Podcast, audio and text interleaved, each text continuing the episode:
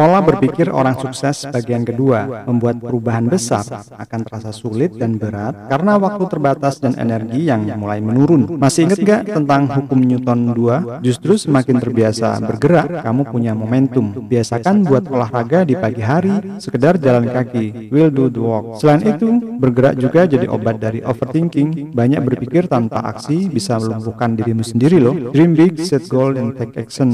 Lalu apalagi kebiasaan dan pemikiran orang sukses sukses, yang pertama terobsesi. Orang-orang sukses punya beberapa habit yang mereka selalu kepikiran, gimana caranya bikin desain produk yang lebih baik, gimana caranya marketing dengan budget lebih hemat. Yang kedua, mental clarity. Perubahan besar adalah jangka panjang, tapi kamu kudu punya ya. kejelasan ya, apa lima langkah berikutnya yang mesti kamu ambil. Nggak perlu overthinking sukses atau enggak. Apa dulu strategi lima langkahmu dulu. Kebayang nggak kalau kamu bisa berpikir, apa sih satu langkah aja yang bisa kamu lakukan untuk hidup yang lebih baik, mulai dari sekarang.